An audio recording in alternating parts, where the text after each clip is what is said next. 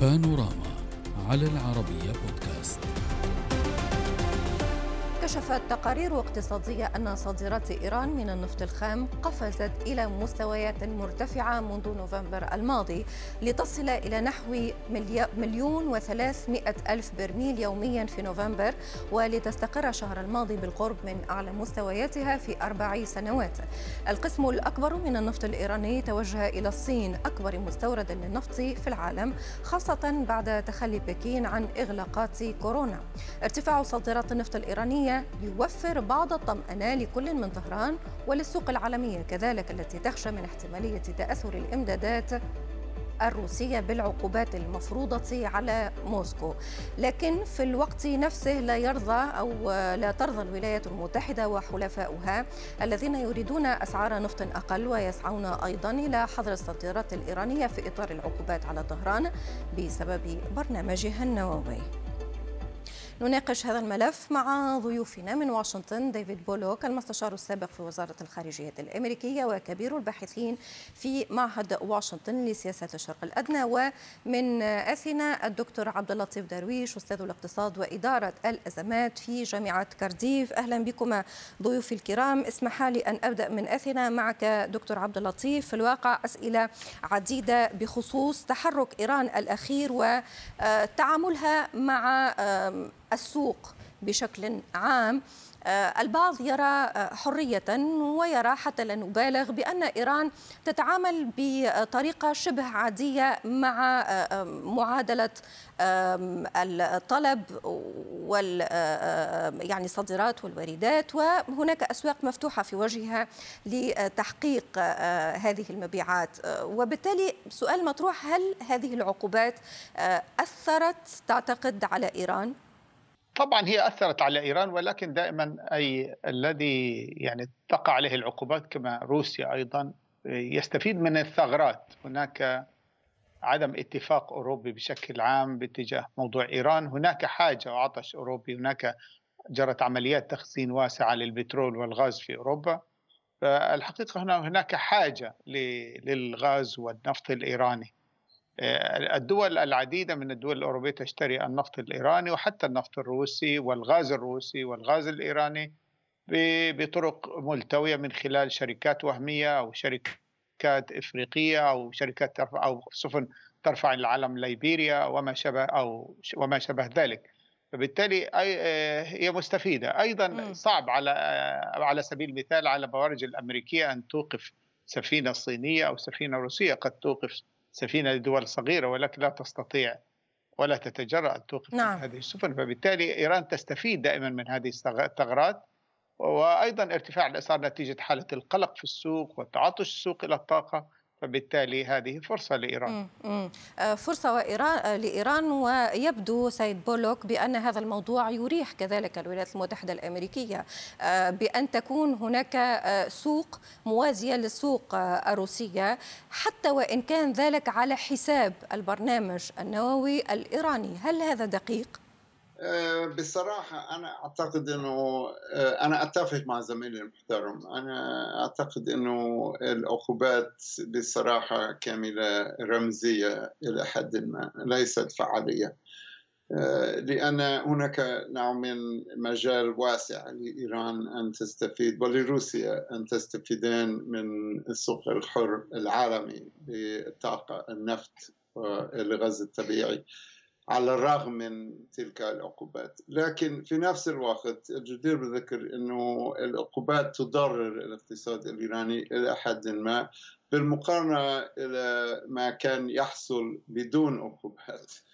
المعنى أنه هناك نوع من ضغط اقتصادي على النظام في طهران ولكن هذا الضغط غير كاف لتغيير سياسة هذا النظام للأسف الشديد.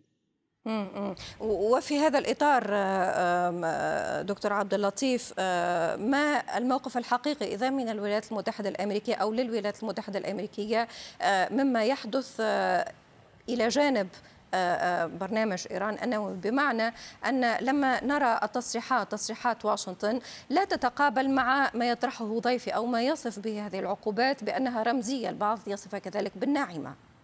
يعني حقيقة أجيب لكم مثل آخر وهو المسيرات الإيرانية التي استعملتها روسيا فيها تكنولوجيا أمريكية. أيضا في الجانب الأمريكي هناك ثغرات الشركات الأمريكية ممكن أن تكسر الحصار بشكل أو بآخر من خلال القضايا الاقتصادية. المسألة الدولار هي أهم. فبالتالي هناك طرق يعني الالتفاف على هذه العقوبات. وكما أسلفنا أن آه، السوق العالمي متعطشة وأعتقد أن موضوع الملف الإيراني آه، بسبب أيضا صعود المسألة مسألة أوكرانيا أكثر فبالتالي هناك عملية لنقل غض البصر عن موضوع العقوبات الإيرانية أو تخفيف منها لأن أيضا الولايات المتحدة الأمريكية نعم. لم تعطي للأوروبيين لا بدائل لا للغاز ولا للنفط ولا للقمح فبالتالي الأوروبيين بحاجة إلى الغاز والنفط الإيراني فبالتالي لنقل غض البصر إن لم يكن هناك تعاون بشكل أو بآخر. تعاون. سألتقط هذه الكلمة لأنقلها لضيفي. آه، أستاذ بولوك البعض يقول. بأن آه، الولايات المتحدة الأمريكية مرتاحة لفتح سوق موازية للسوق الروسي ولكن أبعد من ذلك الولايات المتحدة الأمريكية تحرك إيران تضغط أحيانا وتحاول أن تلين معها أحيانا أخرى بما يتوافق مع مصالح واشنطن. ما رأيك؟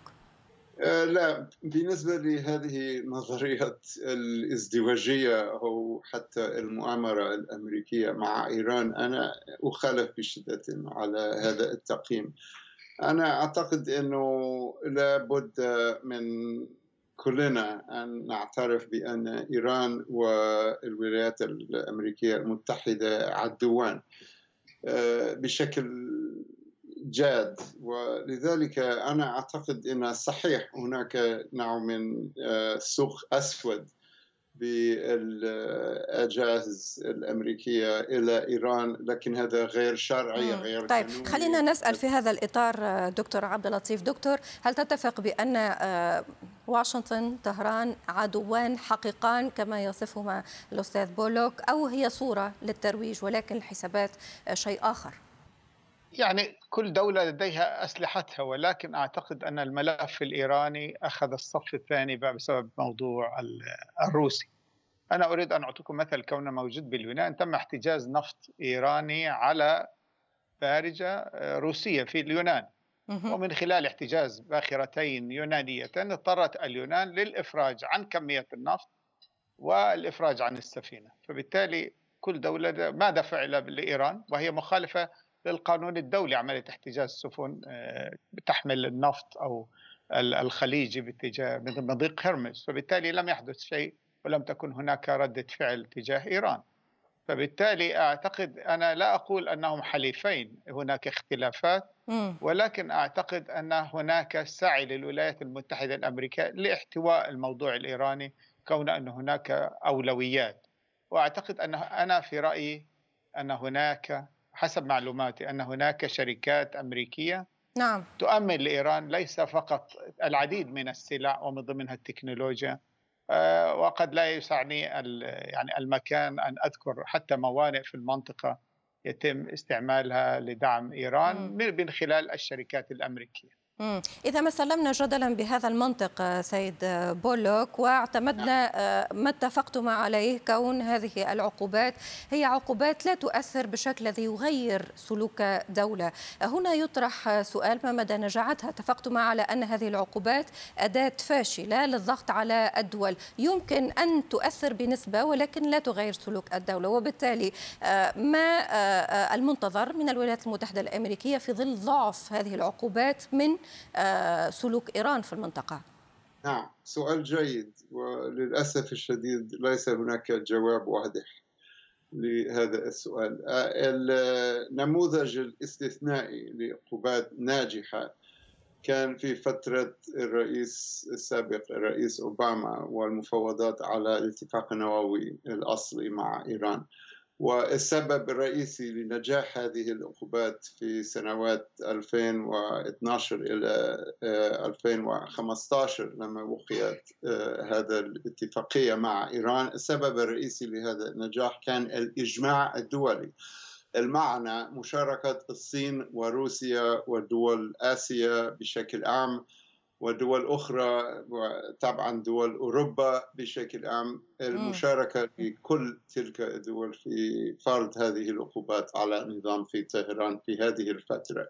بدون هذا الإجماع الدولي العقوبات الأحدية الأمريكية أو الأوروبية أنا أعتقد فاشلة لأن هناك بديل لإيران في روسيا أسواق. في الصين وفي في في أماكن أخرى وحتى الأسواق السوداء. ولكن أستاذ عبد اللطيف هذه المعادلة آه، هل توحي بفشل أمريكي؟ نتحدث عن آه، محدودية هذه العقوبات. هل هو فشل أمريكي أم هناك سياسة تعتمدها إيران أو بدأت تعتمدها منذ الضغط عليها من خلال هذه العقوبات فبدأت تتعامل بشكل مختلف أضاع حسابات واشنطن في هذا الإطار. يعني حقيقة حين نقول موضوع فن إدارة الأزمة والقدرة على التحمل أعتقد أن السياسة الإيرانيين بطبيعتهم عندهم قدرة على التحمل وطول النفس والصمت والعمل في صمت. حقيقة هم كما الصينيون في هذا الموضوع. والحقيقة هم نجحوا في اختراق هذه العقوبات من خلال على سبيل المثال حتى أسطولهم الطيران كان يجدد من خلال أوكرانيا على سبيل المثال. آه، أيضا نفطهم وغازهم يذهب من خلال تركيا وهي دولة بالناتو وليس فقط النفط والغاز الروسي. هناك آه، يعني ثغرات نجحت إيران من خلالها.